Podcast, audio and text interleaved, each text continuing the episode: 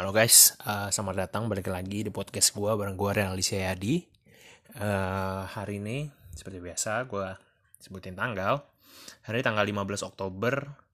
Uh, setelah tadi gue cek, lagi-lagi uh,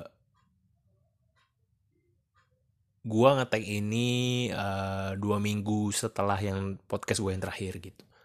Uh, secara nggak langsung tiba-tiba kepikiran sih kayak kalau seminggu tuh agak agak kecepatan gitu agak uh, gimana ya? Nggak terlalu banyak yang terjadi di hidup gue juga gitu. Jadi ya mungkin gue akan buat ini uh, dua minggu sekali mungkin. Tapi ya terserah gue juga. Membuat kapan? Kenapa gue harus ngomong ini dan gak ada yang denger juga. Ya pokoknya gitu Terakhir gue uh, tag podcast itu tanggal 30 September di akhir bulan kemarin.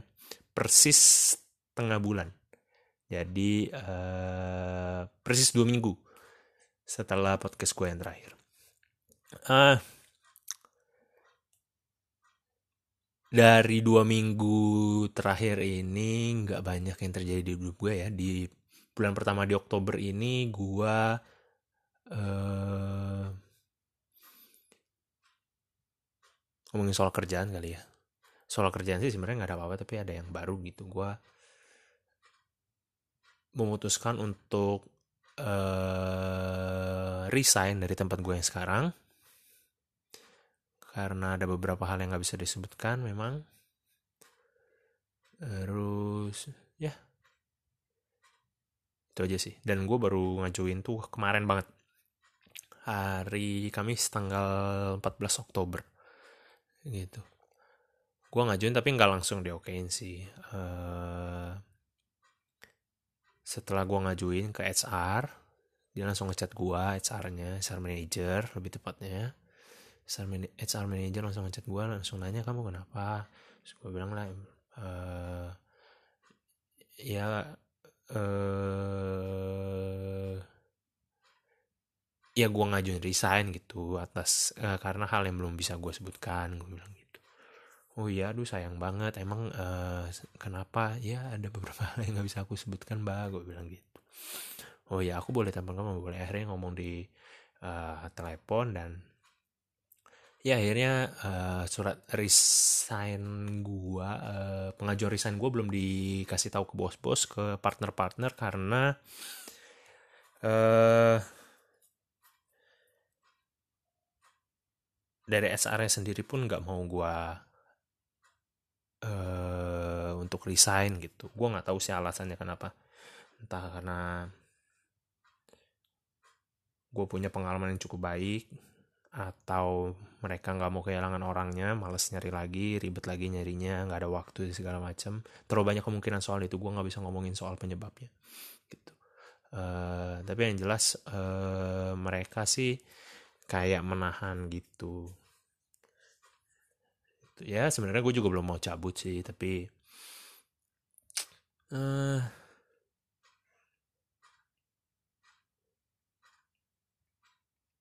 ya keadaan lah ya. Gitu. Semoga gue di masa depan uh, kalau denger ini ngerti ya ketika gue ngomong keadaan. Semoga semoga. Ya itulah kira-kira uh, masih diundur dan menurut perjanjian tuh memang bisa diputuskan secara sepihak dengan syarat lo harus ngasih tahu secara tertulis satu minggu sebelumnya. Gue tuh ngasih tahu dua minggu dua minggu lebih sebelumnya. Jadi uh, ya dikasih waktu lah. Masih ada waktu sekitar satu minggu untuk memikirkan lagi. Kita lihat nanti lah.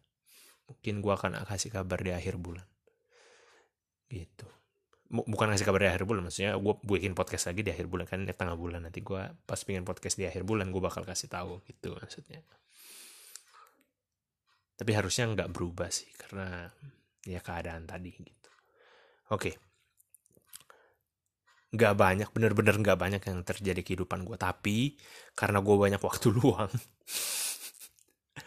gue harus setelah gue pikir-pikir gue cari dasarnya atas hal yang mau gue omongin dan ternyata dasarnya ini ya karena gue nggak nggak nggak terlalu banyak waktu yang dipakai gitu. Gue mostly hari-hari tuh kayak nonton nonton YouTube nonton live streaming nonton film nonton series. Gue sampai nonton Naruto lagi men. Gue menjadi wibu lagi. Gue nonton Naruto lagi sampai sekarang itu uh, dalam seminggu tuh gue kemarin tuh karena kayak getol banget kayak pengen banget gue nonton. Gue nonton nih gue nonton Naruto karena banyak ya lagi-lagi gue banyak waktu gitu. Jadi gue berseliweran gitu. Gue buka TikTok gue buka Instagram gue buka Twitter segala macamnya. Dan aja trending banget pas uh, Q uh, Kurama Kurama Kurama itu kan uh, si QB itu ya. Uh, si Kuramanya mati gitu ninggalin Naruto. Anjir pas gue nonton anjir sedih juga sih karena gue ngerasa kayak dulu tuh gue suka banget sama Naruto gue suka nonton filmnya gue sampai punya bajunya. Dulu waktu gue SD kali ya, gitu. Terus gue ngerasa anjir gue punya keterikatan sendiri gitu loh sama Naruto karena gue nonton dari uh, gue non gue dulu nonton gitu. It was gitu. Gue nonton dulu. Terus ya jadi gue pengen uh, gue jadi gue nggak gue nggak tahu kenapa apa sebab mungkin itu salah satu sebabnya karena gue punya keterikatan tadi jadi gue pengen nonton lagi. Ya udah gue nonton gue nonton Naruto Shippuden sih gue nggak nonton Naruto yang kecilnya karena anjir kejauhan banget gue ketinggalannya gue belum nonton gue belum nonton Boruto nantinya Boruto juga berapa ratus episode gitu. Tapi uh, eh, gue mulai nonton di Naruto Shippuden dan gue mulai ini sebenarnya udah agak lama udah dari tahun lalu uh, di waktu sebelum gue mulai kerja gitu ya sekitar satu bulan dua bulan sebelum gue kerja tuh gue nonton gitu loh kayak lagi ngeberesin magang terus bosen terus bingung mau nulis apa kan di laporan magang udah mentok ya gue nonton Naruto gitu.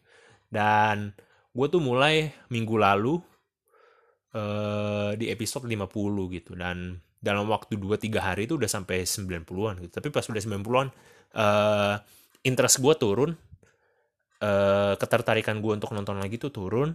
Terus sampai sekarang ya masih 102 gue baru gue ya gue inget. Semalam gue baru nonton soalnya. Uh, eh, 102 udah, udah di episode 102 ya semoga gue bisa ngelarin lah tapi ya seniat niatnya gue aja sih itu semaunya gue aja lah mau nonton nonton mau enggak enggak gitu. Terus uh, ada banyak hal yang bisa gue lakukan. Uh, yang terutama yang paling utama gue lakukan ketika ya bukan ketika waktu kosong waktu gue emang kosong uh, yang paling banyak gue lakukan beberapa minggu belakangan ini tuh nonton dan main Mobile Legend. Itu nonton main Mobile Legend uh, scrolling sosmed dan ya uh, ngecek investment ngecek uh, investment instrumen. Itu yang lately minggu ini tepatnya dua hari lalu ya. Dua hari lalu tuh kayak ya IHSG lagi naik banget kan. Jadi wow this is it. Porto langsung hijau yang tadinya merah Eh, tiga puluh persen gitu sekarang merahnya udah jadi lima persen mungkin udah, udah udah sedikit gitu. Dan wah gue mes banget tuh. Karena tinggal satu porto gue yang masih merah gitu yang yang lainnya udah hijau semua dan hijaunya tuh udah ada yang 30 persen gokil tuh yang paling gede. Yang paling gede ada 30 persen terus ada yang 7 persen tapi nominalnya juga sama dengan yang 30 persen ini karena uh, ya perbedaan harga lah ya gitu. Terus uh, terus itulah hari-hari gue terus uh, karena gue banyak waktu luang dan gue sering scrolling sosmed gue tuh jadi lebih update lah daripada daripada lu nggak ngeliat. Eh daripada lu jarang ngeliatnya gitu kan. Uh, dua hari lalu dua hari lalu. Ah sebenarnya nggak dua hari lalu sih beberapa minggu inilah minggu ini tuh banyak kejadian gitu kayak dan kejadian yang pasti menimpa ke orang yang terkenal ya karena orang yang tidak terkenal tidak diperhatikan oleh orang lain gitu gitu. Ya karena ya ya res yeah, gue ceritain dulu. Ada ke, ada dua kejadian di minggu ini. Yang pertama adalah uh, Rahel V-nya Rachel V-nya siapa pun dia uh, apa pun pronouns-nya si Rahel V-nya ini uh, gue nggak terlalu tahu tapi kira-kira begini kronologi uh, blundernya. Dia tuh baru pulang dari US gue nggak tahu dia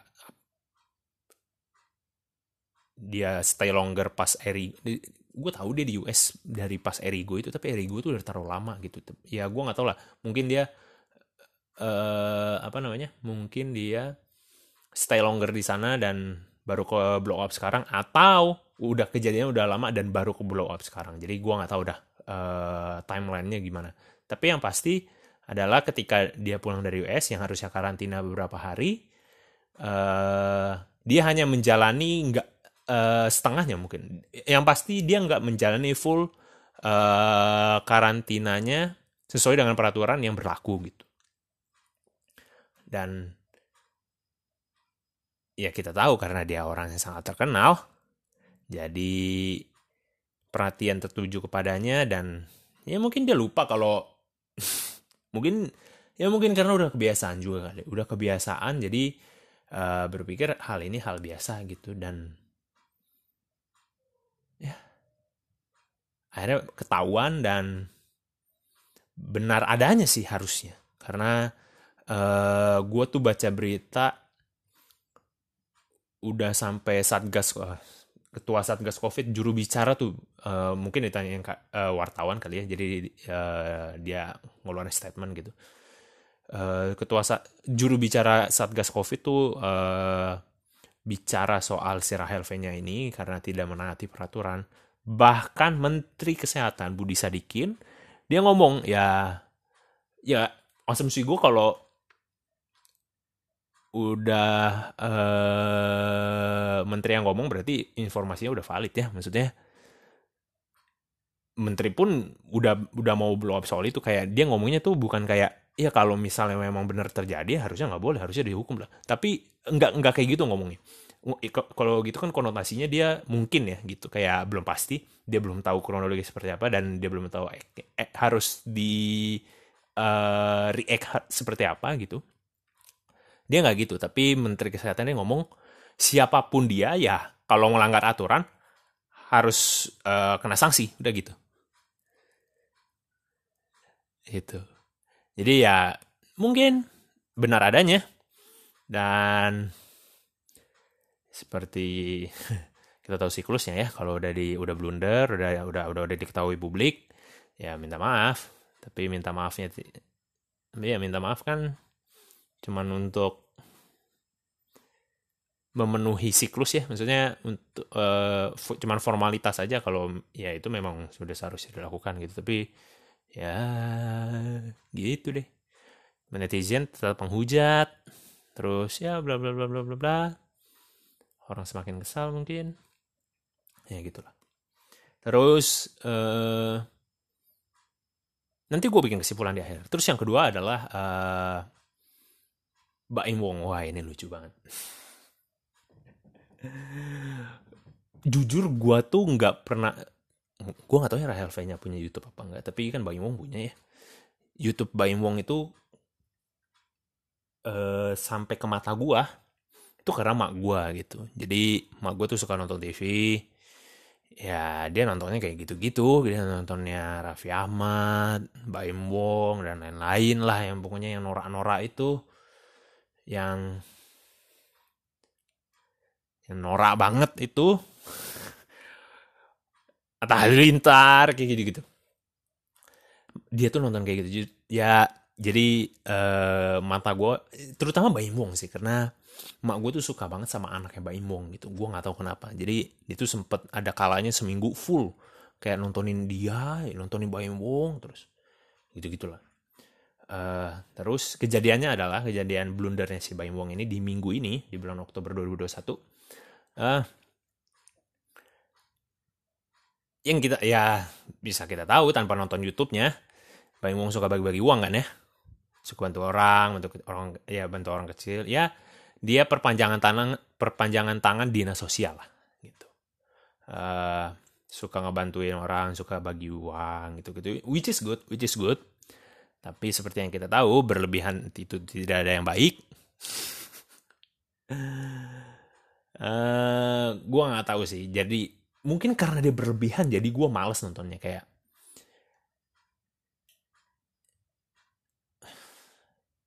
you should uh, lu harus lu mau ngasih orang lu harus videoin terus upload ke YouTube? Really?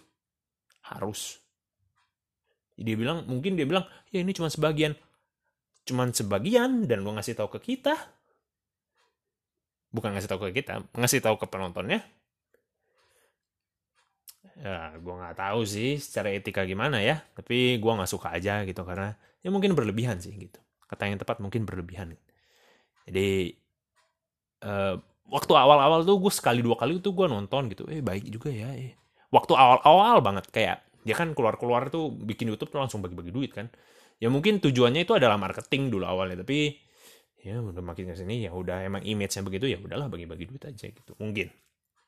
Nah di minggu ini uh, dia ini dia ini ya seperti video pada biasanya uh, bold and underline gue nggak nonton YouTube-nya. Gue nonton uh, eh, gue gue uh, baca berita gue nonton di TikTok gue nonton uh, gue ya gue tahu dari TikTok.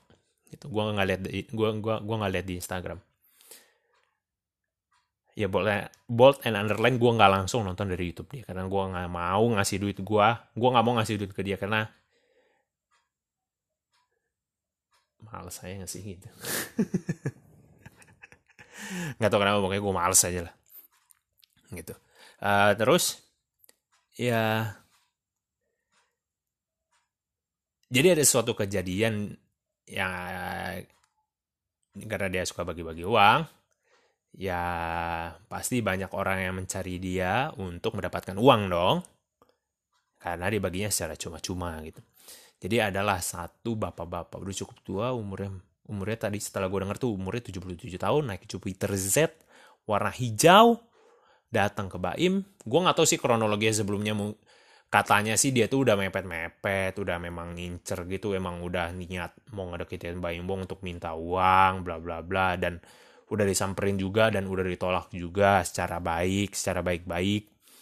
Uh, udah ditolak kalau dia nggak mau bantu gitu. Ya menurut gue sih itu manusiawi ya karena uh, itu kan pekerjaan ya itu pekerjaan dia. Ya ada kalanya dia udah enak juga kali sama pekerjaannya gitu. Atau mungkin dia uh, apa ya uh, dia lagi ada masalah apa ya kita nggak tahu lah soal itunya ya ya pokoknya dia terlihat tidak senang dengan kehadiran bapak-bapak ini. Di video TikTok itu emang pinter banget sih ngekatnya. Di video TikTok itu, uh, si bapak-bapak ini datang naik Jupiter Z, dia bilang, uh, beli dong uh, jualan saya. Terus bayimnya kayak, enggak, enggak, enggak, enggak, enggak. Pergi-pergi, saya nggak pernah uh, ngajarin orang minta-minta kayak gini. Pergi, pergi, pergi, udah, udah, udah, udah. Ya kan? Menurut gue sih salahnya dijadiin duit alias dimasukin ke video di YouTube dia gitu. Itu sih menurut gue yang salah. Gitu. Uh, ya kita kita gue nonton itu dari TikTok ya. TikTok dapat dari mana lagi? Orang-orang itu kan pasti reuploader gitu dari YouTube gitu terus ya. Aduh gue sebenarnya agak lucu sama Baimongnya gue gue kasihan sebenarnya bapaknya tapi gue lucu sama Baimongnya sih. Terus uh, ya bayinya marah-marah saya nggak pernah ngasih apa ngajarin orang bagi-bagi uang bla bla bla bla bla bla bla bla. Pokoknya marah-marah ngusir si bapak itu. Publik menghadapinya meresponnya sebagai Baim jahat sekali kepada orang tua itu. Dia orang tua sudah renta uh, niatnya mau berjualan tapi malah dikira minta-minta bla bla bla bla gitu. Dan akhirnya dia minta maaf. Seperti yang kita tahu, balik lagi. Kalau udah melakukan kesalahan minta maaf. gitu. Yang mau gue simpulkan adalah ya itu pekerjaan lu gitu. Itu resikonya. Ya udah gitu. Nggak usah memelas depan orang lain. Nggak usah memelas depan publik gitu. Kalau udah cukup minta maaf ya udah minta maaf aja gitu. Dia tuh kayak menjual kesedihannya karena masalah ini dan mencari uang dari situ gitu. Maksudnya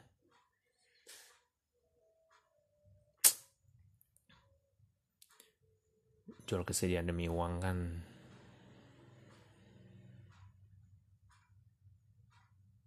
did you really need that?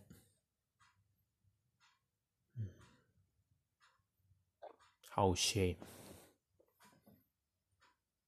Itu sih. Eh, terus terus ada ada ada ada ada uh, kejadian lagi ya. Ini bukan kejadian kayak ya karena gue banyak waktu luang jadi gue banyak nonton dan banyak orang.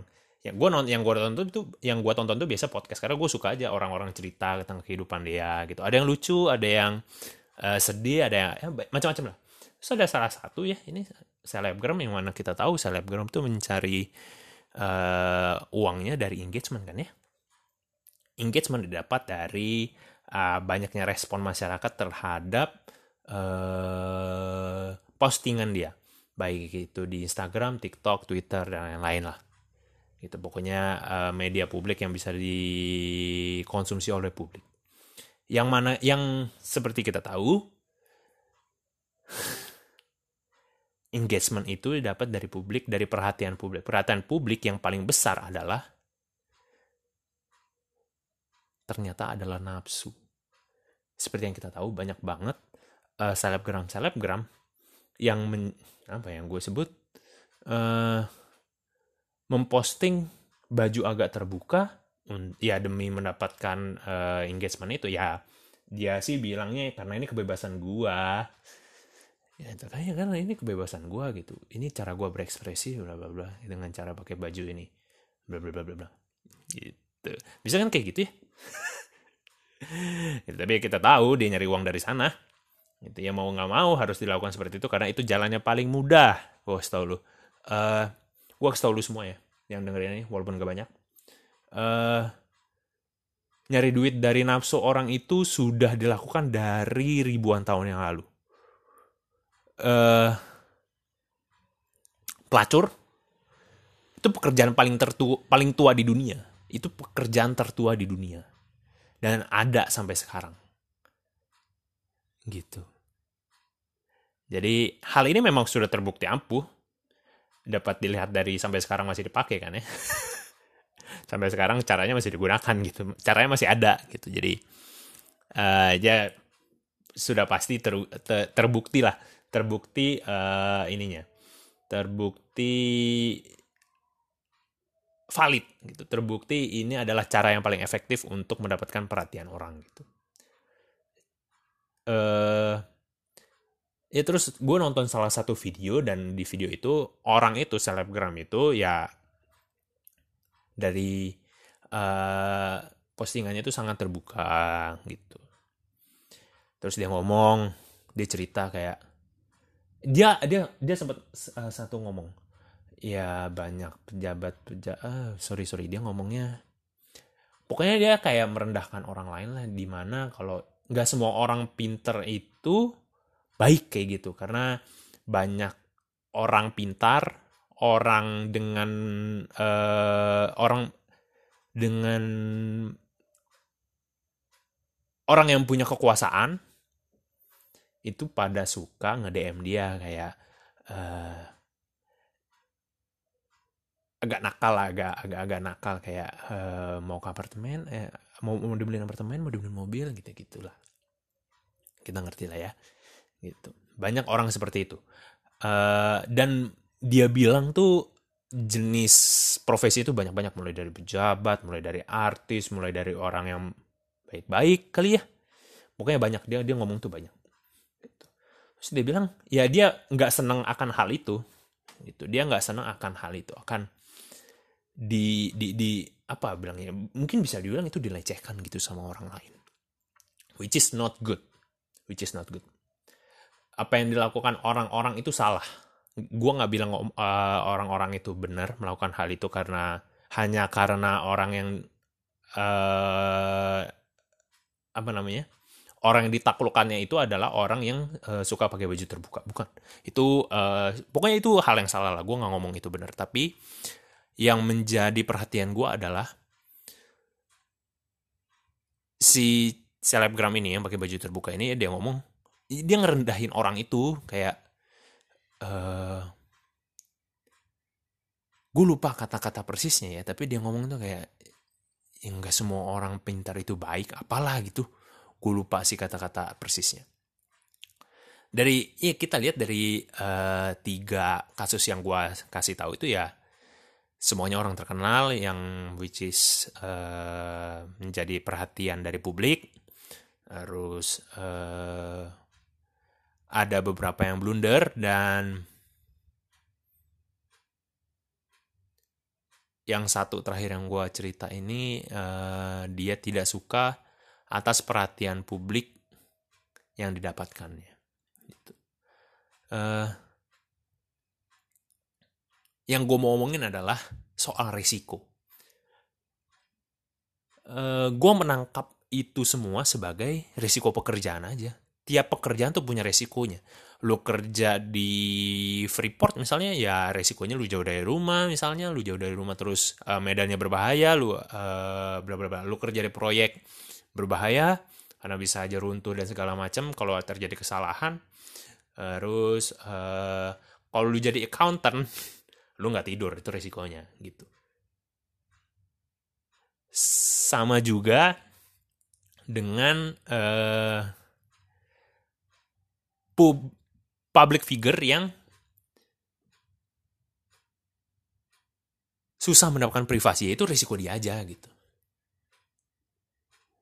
gitu kira-kira kayak gitu lah uh, dari Rahel V-nya kalau itu benar-benar kesalahan dia ya itu itu bukan resiko dari pekerjaan dia itu karena kesalahan dia itu resiko pekerjaan dari kasus dia itu adalah karena dia terkenal jadi banyak orang yang merhatiin gitu dari kasus Bayi Muang adalah lu banyak ngasih orang orang berharap sesuatu dari lu. Ya wajar kalau orang minta ke lu. Gitu. Iya tapi kita nggak bisa kontrol dong uh, emosi orang-orang kan tiap orang beda-beda emosinya dan tiap saat pun uh, beda-beda.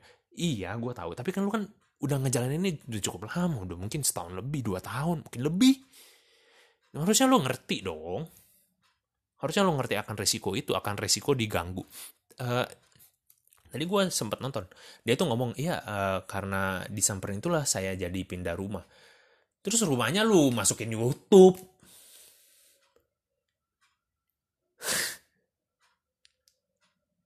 rumahnya lu masukin YouTube maksudnya se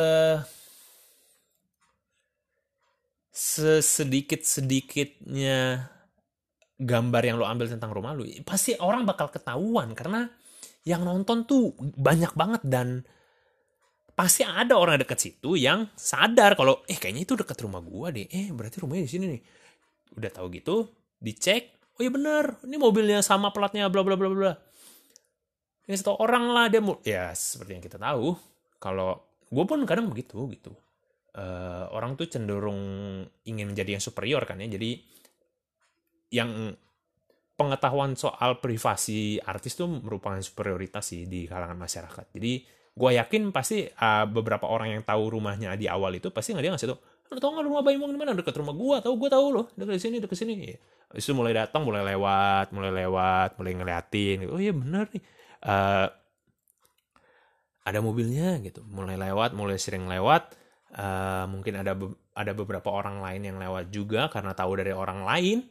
Terus pas kelihatan Baim pas datang ke situ ya jadi ketahuan fix. Gitu. Rumah lu di mana? Udah jadi ketahuan. Maksudnya kalau lu nggak kalau lu tujuan yang nggak mau orang tahu rumah lu ya jangan dikasih tahu sama sekali dong. Gitu. Itu emang udah resiko aja gitu. Kalau lu nggak suka orang datang ke rumah lu ya nggak bisa. Itu resikonya. Itu resiko lu ngasih tahu uh, rumah lu kayak gimana gitu. Kayak jokesnya Coki ya Coki Pardede yang sekarang direhab karena narkoba. Jokesnya bagus banget. Dan lucu banget. Dia bilang kalau ada perampok eh perampok perampok sekarang tuh udah mulai gampang gitu. Kenapa? Tinggal nonton YouTube. Hah? Kenapa ya lu nonton aja Raffi Ahmad lu udah tahu seluk beluk rumahnya di mana? Gue gue bilang oh, iya juga. Gue pun mulai apa ya rumahnya Raffi Ahmad rumah Raffi Ahmad uh, panjang kan ya lebar lebar sorry lebar dari ujung ke ujung yang di mana kirinya tuh garasi. Garasi itu tapi dijadikan tempat uh, anak buahnya tidur istirahat tidur. Karena ada AC tapi itu garasi gitu pintunya pintu garasi. Tapi ada AC-nya ada kasurnya tapi kasurnya ngemper gitu kayak kasur yang di lantai uh, ya gitu. Habis itu di tengah-tengahnya itu ada pintu masuk dan pintu masuk itu langsung uh, ngadep ke tangga. Tangga naik ke atas udah kamar. Uh, ada ada ini lagi ada ada ada ada cukup ada cukup banyak space tapi seperti yang kita tahu rumah Raffi Ahmad uh, ini sekali ya berantakan sekali. Habis itu ya ada kamar itu udah. Sih gue aja bisa tahu gue jarang nonton tapi gue tahu. Gitu. Maksud gue ya itu udah jadi uh, resiko lu kalau lu nampilin sesuatu untuk dikonsumsi publik ya jangan heran dong untuk publik tahu untuk mengetahui hal tersebut jangan harap privasi lu akan terjaga gitu. Ya, lu, warga kita nggak seminter orang lah gitu. Nggak. Aduh. Negara adidaya US uh, boleh kita ngomong US paling maju lah gitu. Ya orang-orangnya juga ada gitu Taylor Swift pernah di ini di di di, di apa namanya? Rumahnya itu bukan dirampok. Disusupi di apa namanya? Ada orang masuk ke rumahnya tanpa izin dia tanpa sepengetahuan dia hanya untuk foto. Gitu. Ya maksudnya di semua seluruh belahan dunia nggak mandang negara itu paling pintar apa enggak ya itu tergantung orangnya aja gitu. Orang di US negara yang paling maju aja masih ada kayak gitu gitu jadi ya itu dari itu kenapa? Ya, karena ketenaran dia, karena terus cakep, terkenal, suaranya bagus, orang mau deket sama dia, orang mau foto sama dia buat dibuktiin ke orang-orang. Nih, gue punya foto sama Taylor Swift. Gitu. Kayak gitulah kira-kira maksudnya. Uh, soal kasus Baimong ini ya itu emang udah jadi risiko lu aja gitu karena lu memperlihatkan sesuatu itu take and give aja gitu lu ngasih sesuatu lu akan mendapat sesuatu baik itu buruk baik pun baik itu sesuatu yang uh, baik gitu. Gitu sih menurut gue terus satu lagi uh, soal selebgram ini ini terakhir ya. Soal soal selebgram seleb gue nggak gue nggak ngomong tertuju pada satu selebgram ini karena banyak banget yang melakukan hal ini dan banyak banget yang melakukan post uh, banyak banget selebgram yang postingannya baju agak terbuka dan banyak banget orang-orang tersebut ngomong kalau dia nggak mau dilecehkan gitu. Maksud gue mohon maaf. Lu pantas dia nggak suka ya karena dia bego. Dia ngerti resikonya dia nggak tahu ini apa namanya uh, risk assessment gitu. Jadi yuk dikeluarin aja semua nih nih nih nih dia nggak tahu resiko di balik itu apa. Harusnya dia tahu itu seperti kita tahu kebanyakan public figure itu bodoh-bodoh. Uh, satu karena nggak sekolah. Ya. Jadi dia nggak tahu. Ya mungkin dalam bisnis dia bisa nyari partner yang pinter gitu. Dan dia bisa belajar tapi ada beberapa hal lain yang bisa lo dapet pas kuliah gitu soal risk assessment tadi gitu. kalau pas kuliah kan tahu gitu risk assessment contoh kecil adalah gue mau nyontek di mata kuliah ini. Ya kita assessmentnya adalah kita harus tahu materinya tuh worth it gak untuk dicontekin? Itu jangan semuanya dicontekin dong lo harus belajar juga dong. Tapi memang ya gue harus ngomong ya kapasitas otak kan beda-beda gitu ya. Tapi minimal ada yang lu tancap lah di otak lu gitu jadi nggak semuanya yang lu contek gitu. Itu risk, risk assessment pertama. Risk assessment kedua adalah step kedua adalah uh, setelah ya lu harus pilah-pilah uh, yang mana yang mau lu contekin. Dua mikirin caranya gimana. Lu nanya teman lu bawa uh, contekan atau gimana. Terus tiga risk assessment pas uh, eksekusi. Ya lu lihat lu duduk di mana ya pengawasnya siapa teman lu mau ngasih tahu apa enggak gitu-gitu. Semua kan ada risk ada ada resikonya gitu. Ya lu tahu lu dan yang keempat lu harus tahu. Kalau lu melakukan hal itu ya lu ter, ter, terancam ngulang lu terancam dikeluarin dari ujian dan terancam gak diakuin ujian lu gitu. Dan dapat SP mungkin kalau nyontek dan lain-lain gitu. sama lah kayak gini. Uh, postingan lu bajunya terbuka terus lu ngarep apa dari orang? Ngarep didoain. Yang pasti orang dapat sange dong. Yang orang dapat tuh pasti nafsu gitu. Ya jadi harusnya lu harus terima itu. Lu jangan gak terima dong kalau dilecehin. Maksud gua bukan harus terima sih. Sekali lagi pelecehan itu nggak bagus ya. Tapi ya lu harus terbiasa aja dengan itu. Ya kalau lu mau kalau lu nggak mau dilecehin karena hal itu ya lu ganti image lu lah. Atau mungkin ya lu harusnya nggak berimage itu seperti itu dari awal gitu. Ya lu nggak apa-apa gitu. Lu lagi berdua nih sama cewek. Cewek buka baju.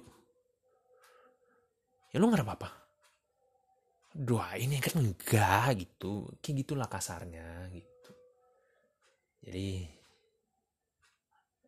you have to be smarter lah. Lu harus pilih mana yang mau dimasukin ke kuping lu mana yang enggak. Mana yang mau dimasukin ke otak lu mana yang enggak. Gitu. Semua gue kasih tau lagi ya semua itu ada risikonya gitu. Jadi dan resiko itu bisa di manage di ada bisa diatur bisa di manage gitu. Lu mau resiko seberapa besar mau yang diterima uh, gimana dan lu harus siap gitu. Dan memang bakal ada resiko yang tidak terduga tapi seenggaknya ada beberapa resiko lainnya yang udah lu uh, udah lu expect bakal lu terima. Gitu sih. Ya kayak nah yang ini yang gue maksud. Resiko lu harus tahu resiko apa yang lu harus expect resiko apa yang uh, bakal lu terima gitu. Contohnya yang tadi kalau selebgram pakai bajunya terbuka terus lu ngarep didiamin kan enggak pasti orang nafsu dong. Itu, itu pasti nomor satu tuh. Itu gitu sih. Menurut gue gitu aja. Jadi uh, setiap hal yang lu lakukan itu ada resikonya bahkan lu diem aja lu itu ada risikonya. Ya kalau lu diem tiduran gitu santai-santai ya risikonya adalah lu nggak kerja kerjaan lu uh, kepending. Lu makin gak sehat mungkin karena lu makan banyak terus lu tidur tiduran gitu. Selalu ada risikonya. Itu itu sih menurut gua. Uh, buat lu semua yang ngedengerin gua harap lu lebih pintar daripada orang-orang itu gua harap lu bisa menilai resiko resiko dari apa yang telah lu perbuat itu gua harap lu semua lebih pinter dari dari itu oke okay? uh, eh, ini juga udah jam 6 gue mau lanjut beberes udah hampir 40 menit juga uh, ya yeah. see you in the next see you two weeks later. Anjay, jelek banget bahasa Inggris gue. Sampai ketemu lagi dua minggu ke depan. Dua minggu lagi. Semoga, ya gue gak tahu ya kalau minggu depan ada kejadian lucu dan gue mau bikin podcast ya gue akan buat. gitu. Akhirnya gue agak lega ya karena sepan, udah beberapa bulan ini gue karena gue gak ada kerjaan jadi gue menganalisa lah. Anabel, analisis gembel aja gitu. Uh, karena gue banyak waktu untuk uh, ngeliat sana sini ya gue melihat fenomena itu kayak anjir kesel banget gue kayak really itu ha, serius lu begitu? Udah lama banget uh, berada di otak gue gitu. Gitu sih. Terutama soal selebgram ya. Itu karena itu bodoh aja itu orang yang goblok aja itu. Itu sih. Banyak loh selebgram yang meninggalkan kuliahnya hanya untuk ya kan ya gue nggak bukan hanya untuk ya, ya duit itu bukan hanya bukan hanya gitu. Jadi ya orang pasti lebih milih duit daripada pendidikan lah itu gue pun hampir gue pun berpikir seperti itu kemarin pas uh, kemarin pas kuliah sambil kerja kan ada irisan satu semester gitu. Ya nggak salah sih nggak salah mereka untuk memilih uang tapi harusnya lo lebih wise aja gitu. Itu aja sih menurut gue uh, gue genapin nih 40 menit tinggal beberapa detik lagi uh, oh ya gue harap lu semua baik-baik ya karena COVID nih angkanya turun, which is good, tapi jangan sampai lengah. Gitu aja. Semoga lu semua baik, semoga uh, lu semua mendapatkan apa yang lu harapkan. Ta uh, semoga lu semua uh, bisa menjalankan semuanya dengan baik dan lancar gitu aja sehat-sehat semuanya uh, oh ya gue mau minta tolong dong satu kalau misalnya lu ada ya pasti kan yang dengerin ini uh, orang kenal nih harusnya. Kalau denger ini chat gue dong gitu. Gue pengen tahu aja. Chat gue karena jujur ya setiap kali uh, ini ada yang ngeplay itu gue nggak tahu sih gue yang ngeplay apa gimana jadi kehitung ke play. Tapi kalau misalnya ada orang yang dengerin tolong chat gue lah. Gitu. Atau dm gue atau apa pun reach me lah reach me? Thank you semua. Bye bye